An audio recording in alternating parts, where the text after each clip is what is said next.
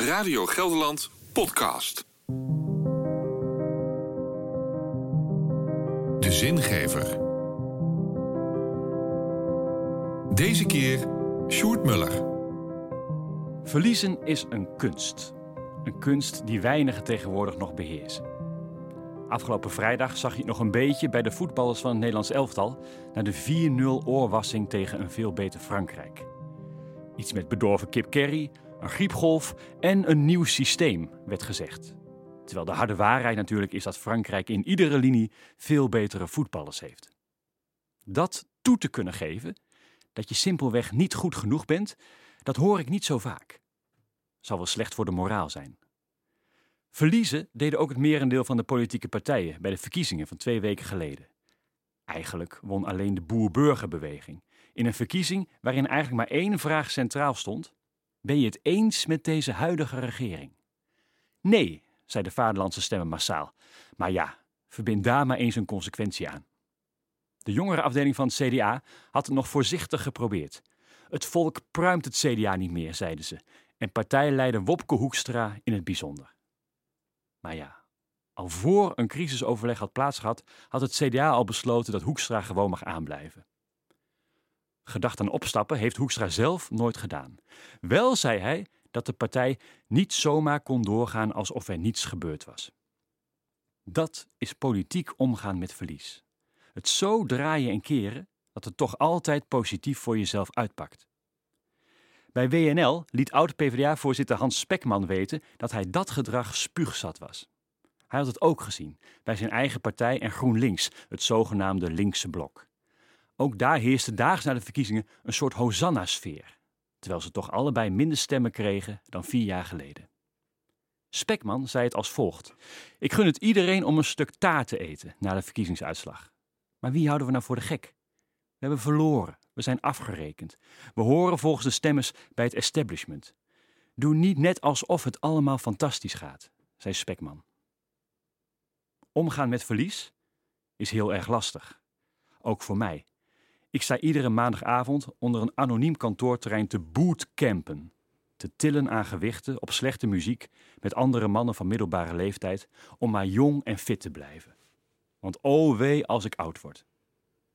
Ik zie het op begrafenissen die ik leid, waar na afloop het leven van de overledene vooral gevierd moet worden. Liefst met lekker eten en drinken. Dat zou Hans gewild hebben, hoor je dan. Dat ik maanden na dato de mensen die alleen achterblijven aantref met psychische problemen door onverwerkt verdriet, daar is eigenlijk helemaal geen plaats meer voor. Door moet je. En de afhakers zijn inderdaad losers. Je ziet het op sociale media en LinkedIn, waar mensen die zonder baan zitten op zoek zijn naar een nieuwe uitdaging. Of, nog erger, ze zitten in between jobs. Lieve mensen, luister naar uw predikant. De kunst van het leven is het leren verliezen. Een geloof of een kerk kan daar erg goed bij helpen. Wij hebben woorden en rituelen die verder reiken, die perspectief bieden, die troosten. De Engelse band Fateless zong er al over. This is my church, this is where I heal my hurts. En ook Paus Franciscus omschreef de rol van de kerk anno 2023 als een veldhospitaal. Een simpele opvangplek vlak bij het front, bij de strijd van alle dag, waar mensen opgelapt kunnen worden. Hoe de kerk dat doet? Eigenlijk heel simpel. De kerk is misschien wel een van de weinige plekken waar het niet gaat om wat je kunt, op om wat je doet. Het gaat erom wie je bent. Namelijk een kind van God. Punt. En je bent geliefd en je bent hier op deze aardbol met een reden. Wie dat beseft, kan verliezen. Want je bent ingebed in een groter geheel. Daarom zit ik bij een kerk. Het relativeert. Nou is dat wel een les die de kerk ook moet blijven leren. Want ook de kerk wil jong en hip zijn, aantrekkelijk zijn en ertoe doen, of, oh heer, sta me bij, financieel zelfredzaam en gezond. Maar ik zeg je, een vergrijsde kerk is zo erg nog niet. Ik wil graag van mensen leren die meer levenservaring hebben dan ik. Ook zij hebben verloren in hun leven. Sommigen zelfs heel veel. Maar ze zijn er nog en ze zitten er nog iedere zondag. En je ziet het ook in de meer dan 1,3 miljoen migranten christenen in Nederland. Ergens anders schiet het altijd weer wortel.